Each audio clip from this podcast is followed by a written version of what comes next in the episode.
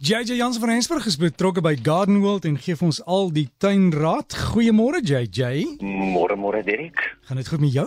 Dit gaan nie so goed soos met jou nie. Jy's in die mooi Kaap. Ek is in die mooi Kaap met JJ. Ek het ook 'n paar uh, baie eksklusiewe tuine hier kon besoek en ek het nog 'n paar volgende week wat ek gaan kyk en dit is net ongelooflik hoe mense tuin maak. Jy weet, selfs in, in die COVID tyd het baie meer mense begin tuin maak en ek dink daai ding groei. So jy het vir ons al die raad, wat kan ek nou in my tuin doen?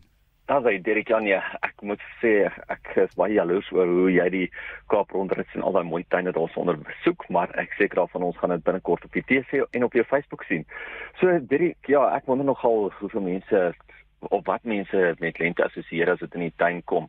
Hoeveel mense gaan deur na die verskillende lente skoue toe op die oomblik as die somer skou ons nog steeds aan daar by Gardenwold. En hoeveel mense assosieer die lente met iets anders? Jy weet as jy nou kyk byvoorbeeld na die jasmiene wat blom, die jacarandas wat blom, amaryllis wat blom, is dit die geure, is dit die kleure, is dit die vrugte en dis nou eintlik 'n baie lekker tyd om met jou snoeisker rond te loop en blomme en groenigheid te sny vir die waas of jy kan rondloop met die kamera om daai spesiale foto's vas te lê. Direk, ek weet jy's ook altyd baie beskeie om dit te noem en uh, en jy noem dit nie altyd nie, maar ek weet vir die wat belangstel, jy gaan einde November die 27ste fotografiese kursus by Gardenwold aanbied. Ja, JJ. Ja, en dis ook hoekom ek hier is met my kamera, jy weet, soos ek die tuine kyk, dan neem ek 'n paar foto's en dan gaan ek ek neem 'n klein goedjies af om om daai raad te kan deel.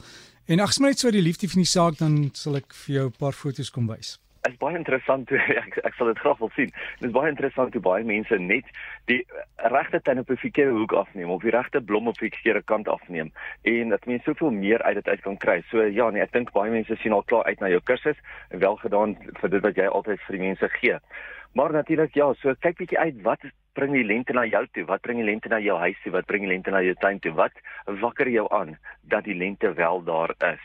En fokus bietjie daarop. Neem bietjie daai foto's vas as jy kan, veral van daai lenteblomme want dit is altyd ongelooflik om te sê, weet jy wat, my tuin was nog nooit so mooi soos laas jaar nie. As jy nou praat van die tuine onder in die Kaap, as jy mens mooi dink deur watter erge droogte het die tuine oor die laaste paar jaar gegaan en watter waterbeperkings was daar nie in die Kaap nie. En wel om nou daai tuine te kan sien, te kan sien hoe die mense tuin gemaak het deur daai waterbeperkings en natuurlik na die waterbeperkings, hoe ongelooflik is dit nie en ek ek meen ek hou my hoed af vir baie van daai tuine hier daarso uh met hulle kuns en hoe hulle eintlik hulle vindingrykheid daarso gebruik het. Maar natuurlik sonder die regte voeding sal jou plante wat nou moet blom ook nie in blom wees nie of nie regtig blom nie. Ek praat gereeld daarvan dat ons meer spesifiek moet voer. Plante wat honger is en baie kos wil hê, soos byvoorbeeld jou hibiscus en jou rose, moet baie gereeld benat en gevoer word met 'n kunsmis hoog in kalium om meer blomme aan te bring. 'n Goeie voorbeeld is die gewone 815 Loofplante soos varings, boomvarings, ornamentele grasse ensovoorts kan nou weer met 'n kunsmis hoog in stikstof gevoer word, ietsie soos byvoorbeeld 'n 713. So onthou vir blomme 815 en dan as jy net groenigheid soek, meer 'n 713. Sterk wortels en die vraag kom gewoonlik met groente, waarmee voer ons ons groente? Sal uh en hierso gaan fosfaate baie goed werk. 'n Goeie voorbeeld of 'n goeie dosis 232 sal natuurlik baie goed daar werk. So onthou vir blomme is dit 815, vir groenigheid 713 en dan vir wortels is dit 'n 232. Nou as ons praat van grasperke, net soos 'n skerp snoeiskerp lekker sny, doen 'n grasnyer ook met skerp lemme. Wanneer laas het jy fisies gekyk na die kondisie van jou grasnyer en of die lemme lekker skerp is? Baie van ons kom net laat in die aand by die huis en dan het die tuinier deur die dag gesny of die tuindienste was daar. En dan lê hy geel strepe wat soms so skeef lê oor die grasperk.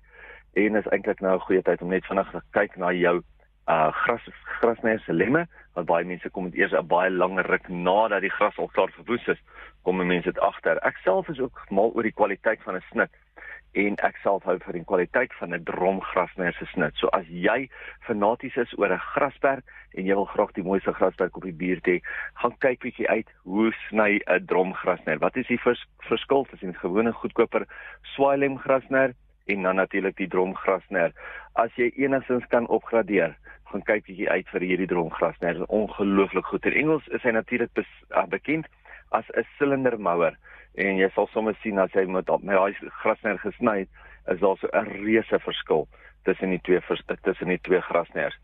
November maand is natuurlik vir baie tuiniers ook bekend as daglelie maand. Nou, ons plant van die week vir hierdie week is 'n daglelie, maar dit is 'n daglelie wat nie net in November blom nie, maar sommer dwars deur al die somermaande. Hy word ever daylily genoem. So die daglelie in Engels is natuurlik 'n daylily maar hierdie een spesifiek is die Everdaylily en hy's 'n roomkleur wat op oomblik in die kwekery beskikbaar is. Soos die ander daglelies is hy ook gehard. Hy hou van die volson, hy's waterwys. Hy blom ongelooflik maklik. Natuurlik is hy weet om heeltemal bo meeste van die ander daglelies laat uitstaan is die feit dat hy per seisoen tot en met 400 blomme vir jou kan gee. So as jy nou net daaraan dink, ek meen 'n gewone daglelie gee vir omtrent so 50, 70 blomme in 'n in 'n seisoen en is gewoonlik dan maar net 'n kort seisoen hier so in November. Hierdie ouetjie gee vir tot en met 400 blomme of 400 blomme en meer as hy eers gevestig is gedurende die somermaande. Dis 'n waarlike wenner daai. Maar gaan kyk gee hy groei so om en by 50 tot 70 cm hoog en hy gee vir jou 'n kleiner blom as die gewone daglelie, maar hy blom onophoudend. 'n Lekker 'n nuwe plant, 'n Ever Daylily. Uh, Ever Daylily, dankie. JJ gaan nie vir ons foto's nou gou breakfast sit op die Facebook bladsy ek gaan gou vir ons al die foto's daar gesit en dan kan die mense daar gaan loer en hulle kan lus wees om sommer gou kwekery toe te gaan te gaan kry. so gesels ons dan met JJ Jans van Rensburg en hy hanteer al die tuin kwessies hier op RSG vir ons op 'n Saterdag. So gaan loer op die breakfast Facebook bladsy. Jy sal daar sien is al die foto's van die plant waaroor JJ en al die raad nou net gesels het. Lekker tuin maak.